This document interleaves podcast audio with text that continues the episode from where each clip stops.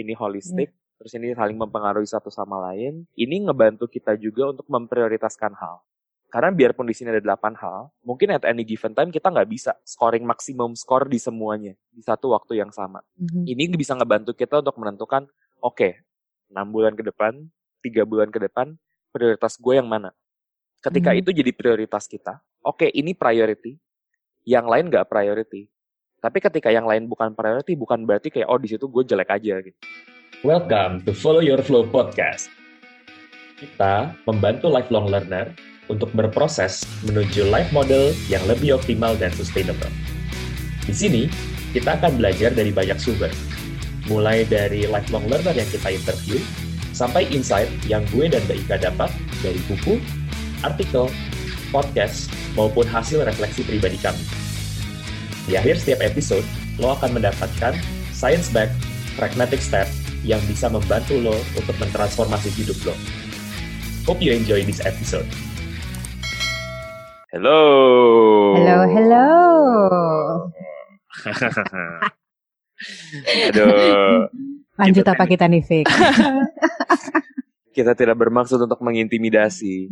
Tapi hari ini kita akan membahas seperti yang tertulis gitu kan. Itu apa sih sebenarnya yang lo inginkan dalam hidup? Kita udah membahas clarity of power gitu. Mm -hmm. Dan salah satu clarity yang paling penting kita tahu dulu nih sebenarnya kita maunya apa sih gitu. Mm -hmm. Karena kemarin sempat dibahas juga gitu kan bahwa ketika kita nggak punya clarity, kita jadi kurang jejak. Ketika kita mm -hmm. mau decide kita jadi sulit gitu kan. Mm -hmm. Terus kayak ada banyak hal juga yang menurut gue bakal terimplikasi kalau kita tuh nggak clear sebenarnya apa yang kita mau dalam hidup. Mm-hmm. Salah satu topik yang sering banget dibahas itu adalah tentang drawing boundary. Kayak boundary itu mungkin ini gue jelasin sedikit konsepnya adalah menggambar batas batas tuh di sini maksudnya apa? Mungkin kalau ngambil reference dari Mark Manson di Subtle Art of Not Giving a Fuck gitu kan, kayak bukannya berarti kita nggak peduli sama semua hal, tapi kita peduli sama hal cuma kalau hal itu bener-bener penting buat kita. Karena ada jutaan hal di dunia ini yang berebut buat attention kita. Apalagi sekarang kalau teman-teman sadar juga kita lagi ada di era attention economy gitu kan kayak social media, internet, semuanya tuh bekerja dengan menggunakan ads di mana semakin banyak attention yang mereka dapat, maka mereka semakin kaya gitu. Jadi secara nggak sadar attention kita tuh kayak dimintain terus sama berbagai pihak gitu kan. Itu yang digital, belum lagi yang kayak orang di kehidupan kita sehari-hari gitu kan. Karena ini menarik juga berdasarkan waktu itu kita pernah sebar kuesioner perma ya Mbak ya. Mm-hmm. Ternyata salah satu yang skor permanya paling rendah itu adalah tentang loneliness gitu kan. Mm -hmm. Banyak orang yang ngerasa kesepian. Jadi kalau misalnya teman-teman juga berada di situasi kayak kok banyak banget sih yang minta perhatian gue atau gue sendiri meminta perhatian dari orang lain, itu wajar aja karena memang saat ini lagi banyak orang-orang yang mengalami kesepian. Mm -hmm. Nah untuk menentukan nih kira-kira siapa sih yang harus kita perhatiin, siapa yang harus kita nggak perhatiin, informasi apa yang perlu kita dengerin, karena Kayak contohnya adalah banyak yang ngebahas tentang gimana sih cara kita ngedengerin advice gitu kan. Mm-hmm. Karena ada ada satu school of thought yang kayak oh gue selalu ngedengerin apa kata orang gitu. Terus mm-hmm. kayak jadinya gimana? Jadinya stres sendiri karena begitu ngelihat netizen julid di feed sosial medianya langsung kayak ya ternyata konten mm-hmm. gue nggak sebagus itu gitu. Mm-hmm. Tapi di ujung lain gue pernah ketemu orang juga yang di ujung ekstrim gue sih nggak mau dengerin orang hmm. lain buat gue sih ini hmm. yang paling benar gitu kan yang gue suka dan seperti yang sering kita ajarin di follow your flow adalah balance approach yang ada di tengah-tengah gitu loh jadi ada komen-komen atau hal-hal yang mungkin perlu kita dengerin ada hal-hal yang nggak perlu kita dengerin gitu mm-hmm. atau kita cukup denger oh iya oke okay, terima kasih gitu loh dan mm-hmm. cara tahu itu semua adalah ketika kita punya clarity sebenarnya mana mm-hmm. nih yang buat kita tuh penting mana yang enggak gitu. ya salah satu kata kunci yang gue suka dari Clarity itu filter. Hmm. Jadi memfilter semua dalam hidup kita. Jadi untuk tahu apa yang penting, apa yang diprioritaskan, segala macam tuh baru tahu ketika kita punya clarity. Karena bener lo bilang tadi informasinya semua dalam dunia informasi pilihan kesempatan di dunia ini tuh abundance banget. Dan kecenderungan kita kan BM banyak, banyak mau. maunya ya kan? Tapi dari semua kemauan-kemauan ini gimana ya untuk dapetin clarity supaya gue nggak terlalu galau dan bisa lebih jejak exactly. Nah Jadi biar kita konkret nih ya, kita ingin memperkenalkan sebuah tools untuk hmm. ngebantu teman-teman untuk mendapatkan clarity di dalam kehidupan oh. kita. Apakah tools itu? Jeng jeng jeng jeng. Jadi ini adalah sebuah tools yang namanya Wheel of Life. Intinya adalah di sini kita memetakan bahwa ada aspek-aspek apa aja sih di dalam hidup kita yang matter gitu. Hmm. Jadi kalau menurut kayak dari pemikiran gue dan Mbak Ika nih, udah kita tambahin kira-kira ada hal-hal inilah. Personal growth, health, family, romantic relationship, social life, career, finance, and spirituality. Gue pengen sedikit menjelaskan tentang framework ini karena menurut gue framework ini, tools ini tuh kece banget. Nanti Mbak Ika lo tambahin aja ya, apa yang menurut lo hmm. kece dari tools ini. Jadi pertama adalah tools ini holistic. Maksudnya holistik apa? Karena sadar nggak sadar kadang-kadang at any given moment in time, kita lagi fokusnya ke satu hal aja. Mm-hmm. Gak ada yang salah dengan fokus ke satu hal. Tapi kita perlu sadar juga bahwa ketika kita ngomongin hidup, hidup itu bukan cuma satu hal doang. Gitu loh. Apalagi kayak, gak tau ya, kayak ketika gue lebih muda dari sekarang gitu. kayak nggak setua itu juga sih. Tapi kayak benar-benar kayak nomor satu itu adalah karir gitu. Karir dan karir only. Tapi ketika gue benar-benar over investing di situ, hal-hal lain di hidup gue jadinya suffering gitu. Dan gue mm-hmm. tidak merasakan balance. Jadi mungkin kalau ada orang yang penasaran gitu kayak, eh gimana cara lo achieve work-life balance? Menurut gue tergantung definisi balance orang itu apa. Menurut mm-hmm. gue definisi balance gue adalah ketika gue bisa membalance hal-hal yang ada di wheel of life ini gitu loh. It's mm-hmm. not talking about hours specifically. Ini nggak ngomongin tentang bisa kerja di rumah apa nggak kerja di rumah gitu loh. Menurut gue work-life balance adalah ketika kita bisa ngebalance ini semua. Yeah. Dan yang serunya lagi adalah faktor yang kedua adalah hal-hal ini tuh kelihatannya berbeda tapi saling berkaitan. Let's say misalnya ya, gue gue belum berkeluarga tapi gue sering dengar banyak problem yang terjadi di keluarga itu karena masalah uang gitu kan. Jadi ketika ada masalah uang itu bisa merembet ke masalah keluarga. Dan juga kalau lagi ada masalah uang bisa merembet ke masalah kesehatan. Sebelum-sebelumnya kan kita sering banget bilang kayak oh kalau lagi di kantor profesional aja gitu kan. Ya udah cuma fokus di kerjaan. Sebenarnya in reality ya ketika kita lagi kerja kalau misalnya anak lagi sakit siapa sih yang nggak kepikiran gitu kan atau kayak hmm. kalau kita lagi nggak sehat tapi kita harus kerja siapa sih yang bisa kerja dengan optimal gitu. jadi sebenarnya hmm. secara sadar ataupun tidak sadar kayak aspek-aspek ini tuh sangat mempengaruhi satu sama lain hmm. yang artinya apa artinya adalah ketika kita doing poorly in satu hal itu bisa ngerembet ke semuanya tapi at the same time ketika kita ngelakuin bagus di satu hal ini bisa ngerembet ke semuanya juga mm-hmm. gitu. So menurut gue itu dua hal menarik tadi kan, kayak ini holistik, mm. terus ini saling mempengaruhi satu sama lain. Tapi yang ketiga menurut gue dan ini penting banget adalah ini ngebantu kita juga untuk memprioritaskan hal. Karena biarpun di sini ada delapan hal, gitu. Mungkin at any given time kita nggak bisa scoring maksimum score di semuanya di satu waktu yang sama. Mm-hmm. Ini bisa ngebantu kita untuk menentukan, oke, okay, 6 bulan ke depan, tiga bulan ke depan, prioritas gue yang mana. Ketika hmm. itu jadi prioritas kita, gitu kan, itu bakal ngebantu kita untuk, oke okay, ini priority, yang lain gak priority. Tapi ketika yang lain bukan priority, bukan berarti kayak oh di situ gue jelek aja gitu. Misalnya kayak oke okay, health is not my priority, oke okay, ya udahlah, gue tidur dua hmm. jam aja, gue makan junk food, gue gak pernah olahraga. If that's the case, hal-hal lainnya akan akan break juga. Tapi ketika kita benar-benar bisa nentuin dengan jejak kayak priority kita apa, itu bakal ngebantu banget karena jadinya oh ya udahlah kalau misalnya gue lagi nggak bisa olahraga setiap hari that's fine karena saat ini health bukan priority gue buat gue tiga mm -hmm. kali udah cukup supaya health gue udah oke okay. kayak mm -hmm. gitu right atau kayak misalnya oke okay, saat ini fokus gue adalah contohnya adalah social life gitu mm -hmm. oke okay, fine kalau saat ini social life adalah fokus gue gue mungkin gak akan invest sebanyak itu di personal growth karena gue udah invest personal growth sebelumnya gitu mm -hmm. itu manfaat dari prioritization itu di short term tapi yang gak kalah penting lagi, ini bisa nentuin kita buat di long term. Maksudnya adalah one day di umur kita yang let's say 40 atau 50 tahun. Ideal life gue tuh kayak gimana sih? Gitu. Mm-hmm. Yang ideally sebenarnya ini tuh di figure out lebih dulu supaya kita bisa turunin. Kayak, mm-hmm. oke okay, kalau di umur 50 atau 40 tahun gue pengen jadi kayak gini, tiga bulan ke depan gue fokus di mana? 6 bulan mm-hmm. fokus di mana? 12 bulan fokus di mana?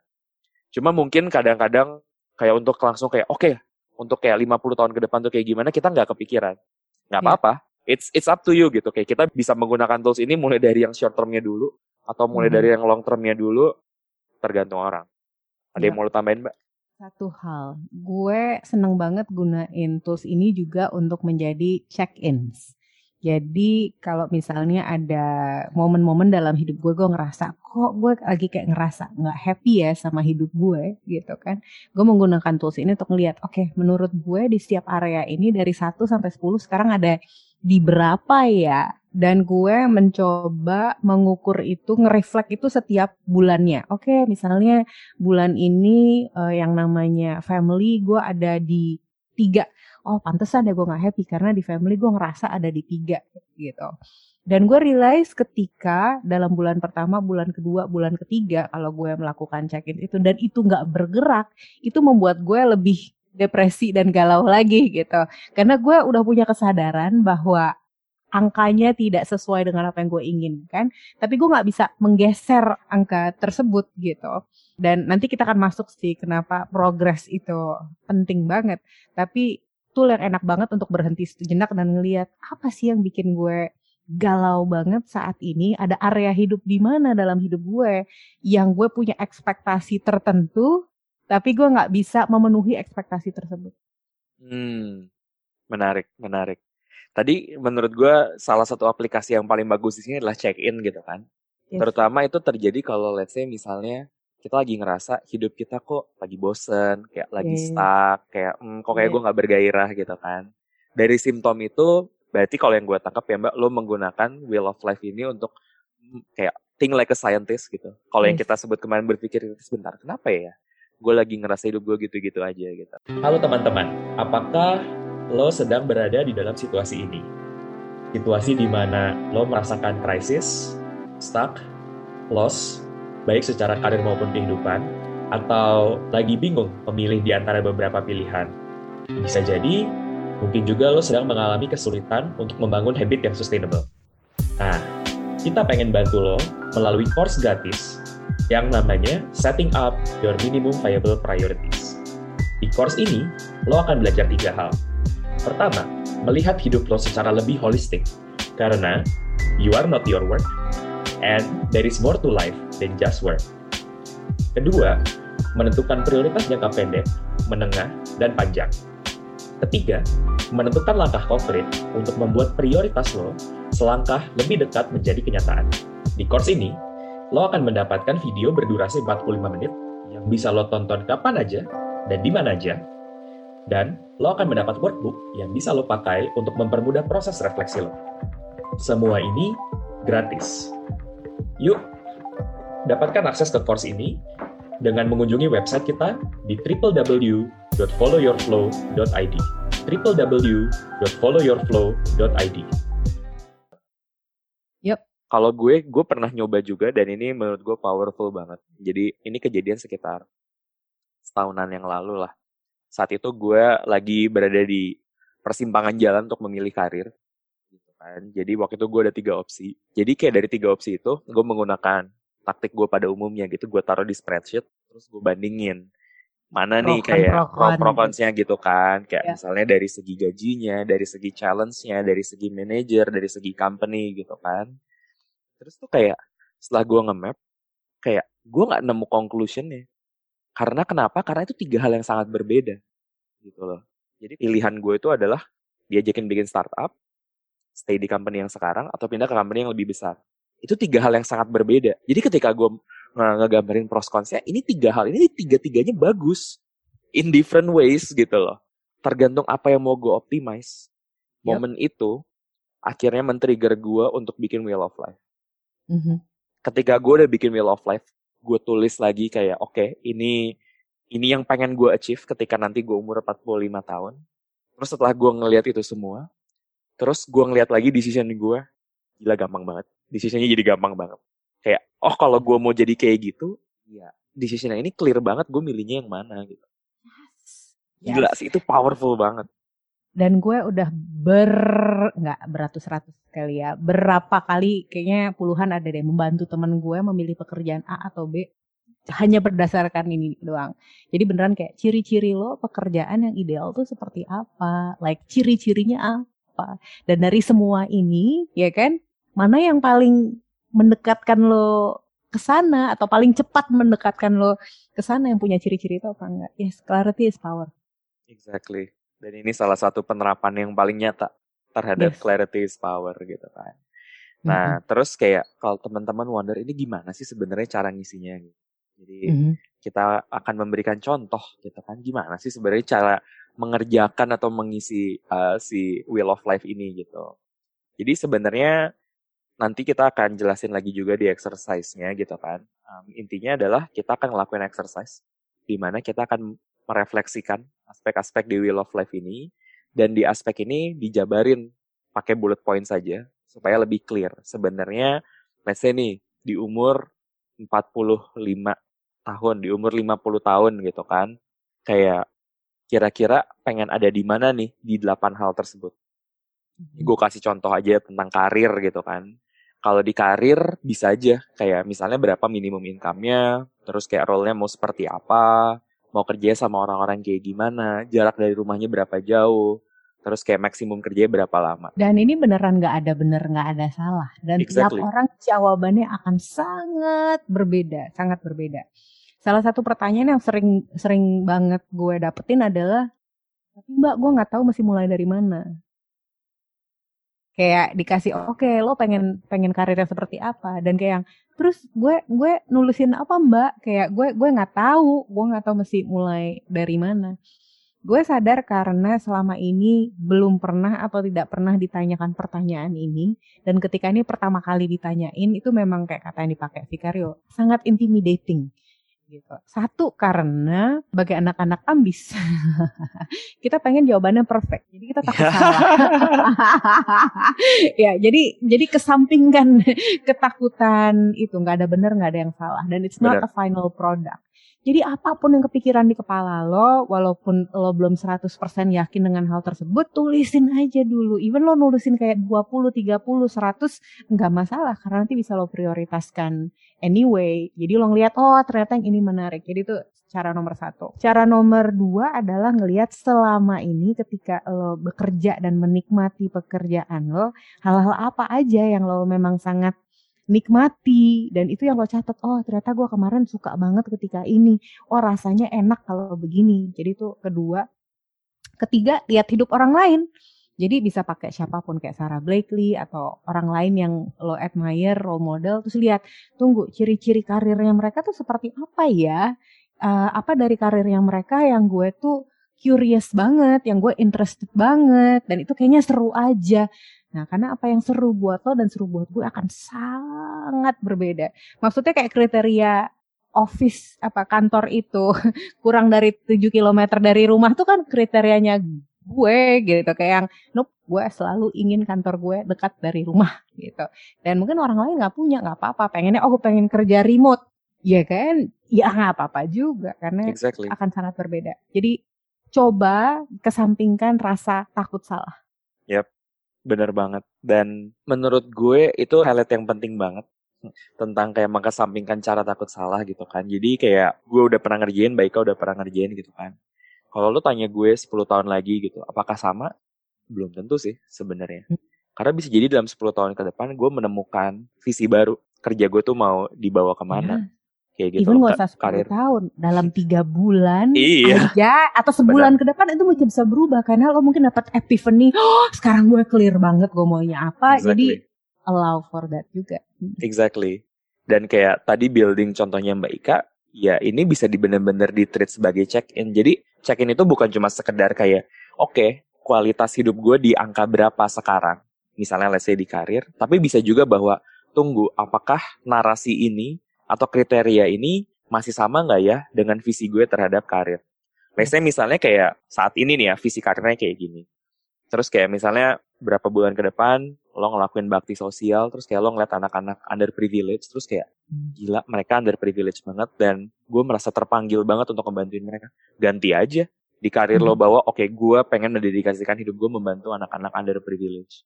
Atau sebaliknya bahwa kayak temen gue ada yang usaha sendiri terus bangkrut nggak ah gue pengen hmm. jadi board of director di corporate gitu kan supaya keluarga gue bisa hidupnya tuh enak hmm. dan right about it dan hal-hal kayak gitu wajar banget untuk berubah gitu loh jadi hmm. ini dia sih kayak nambahin double click di poinnya mbak Ika gitu dari kecil sayangnya kita diajarkan kalau menjawab itu harus benar. Makanya mm-hmm. ujian-ujian tuh pilihan ganda atau kayak misalnya menghafalkan teori gitu kan. Jadi kayak oke okay, ada satu jawaban yang benar dan jawaban mm-hmm. tidak boleh diganti. Ya kalau ujian oke okay lah kayak gitu. Tapi kehidupan tuh nggak kayak gitu gitu. Mm-hmm. Cuma memang kalau kita bisa rekomend sebaiknya lo punyalah kurang lebih gambarannya maunya kayak gimana. At least yeah. sebagai kayak draft version 1 MVP atau kayak initial thinking nanti overtime dibenerin atau yeah. kayak diimprove lagi. Yeah. Dan keep revisiting it ya kan. Jadi ini sesuatu yang lo simpan, lo dekat sebulan sekali lo lihat, eh make sense nggak ya? Oh yang ini kayaknya udah nggak sesuai, gue pengen ganti. Karena yang namanya kayak desain rumah, desain rumah aja lo nggak sehari selesai kan lo ngumpulin dulu gambar-gambar yang lo suka lo bolak-balik sama arsiteknya ya kan ngeliat oh layout yang paling enak gimana jadi kesampingkan juga ekspektasi bahwa lo duduk sekali dan ini akan selesai no lo bisa mendedikasikan kayak enam bulan ke depan adalah pelan-pelan lo menjadi arsitek dalam hidup lo sendiri yep. dan poin kedua yang mau ditambahin kayak jebakan Batman dalam mengerjakan exercise ini adalah sebuah perasaan bahwa yang kayak tapi kan ini nggak mungkin gimana caranya hidup gue bisa kayak gini hmm. sekarang kan gue nggak kayak begini gitu kan jadi kayak kita terjebak di how yes. gitu jadi kita pengen memperkenalkan bahwa khusus exercise ini fokusnya di what dulu aja kita mau jadi apa jadi how-nya nanti ada sesinya sendiri gitu kan dan menurut gue salah satu hal yang bisa membuat exercise what ini menjadi bubar adalah sebelum kita ngomongin what kita udah dihujani dengan how how how-nya. Ini kan nggak bisa. Mm-hmm. Ah, mhm. rumah rumah rumah sedekat itu kan harga rumah mahal banget di daerah perkantoran. Misalnya kayak gitu. Let's say kayak yeah. let's talk about it later gitu kan. Yeah. Sekarang fokus dulu aja di ngerjain kayak what-nya tuh apa. Ya. Setelah ngomongin what, bener kata Fikra jangan masuk ke how, tapi bisa nambahin why. Yeah. Karena, karena ini akan memperkuat intentionnya. Karena hidup itu semua tentang keselarasan, coherence, hmm. ya kan? Jadi ada yang bilang misalnya, oh gue pengen finance, gue pengen uang atau dapat lotre misalnya ya, 2 miliar dolar gitu. Terus gue ditanya kenapa? Kenapa lo pengen? Ya pengen aja. Itu itu kayak nggak jejak gitu kan. Jadi ketika lo menginginkan sesuatu, semakin kita bisa mengartikulasikan kenapanya, alasan dibalik kenapa gue itu, itu akan clear banget sebenarnya it's the right intention. Gitu. Karena bisa, oh ngawang-ngawang atau ini beneran yang lo inginkan. Jadi suara hatinya itu jangan lupa didengarkan ya. Terus yang Mbak Ika bilang itu adalah sedikit spoiler untuk sesi selanjutnya gitu kan. Nanti kita akan mengulik lagi tentang why. Nah, karena exercise ini sudah intimidating enough mungkin untuk yes. banyak orang gitu. Jadi kita akan fokus di sini dulu aja. Dan sebagai penutup, apa nih langkah mudah berfaedah yang bisa dilakukan? Yaitu adalah mengerjakan refleksi wheel of life. Jadi ada dua hal nih yang bisa direflect. Pertama adalah sekarang ada di angka berapa nih di masing-masing area. Boleh juga dijelasin kayak, oh gue lagi di karir tuh tiga. Kenapa tiga? Hmm. Jelasin kenapa tuh. Nah, terus hmm. yang kedua adalah ketika berusia di 45 tahun, pengen ada di mana? Ciri-cirinya kayak gimana sih? Ditulisnya pakai bullet points. Gitu. Nah, jadi ngelihat sekarang ada di mana, terus kayak nanti di 45 tahun bakal pengen ada di posisi apa. Segitu dulu aja. Oke? Okay? Yep. Sip. Yes. Sampai bertemu Selamat lagi bermain. di sesi berikutnya. Bye-bye. Bye. Thank you banget ya udah dengerin episode kita kali ini. Kalau lo suka sama konten ini dan merasa kalau lebih banyak orang perlu mendengarnya, please share this to your network. Karena itu akan membantu mereka untuk menemukan konten ini dan mentransformasi hidup mereka. Jangan lupa juga untuk follow kita di Instagram, karena setiap harinya kita akan post bite-sized content untuk merefresh apa yang teman-teman sudah pelajari di podcast ini. Check out our Instagram at followyourflow.id. Terakhir, ada free course di website kita, yaitu tentang setting up your minimum viable priority, di mana lo bisa memahami prioritas hidup lo dan cara yang lebih konkret untuk mencapainya. Yuk, dapatkan akses di course-nya dengan check out our website di www.followyourflow.id.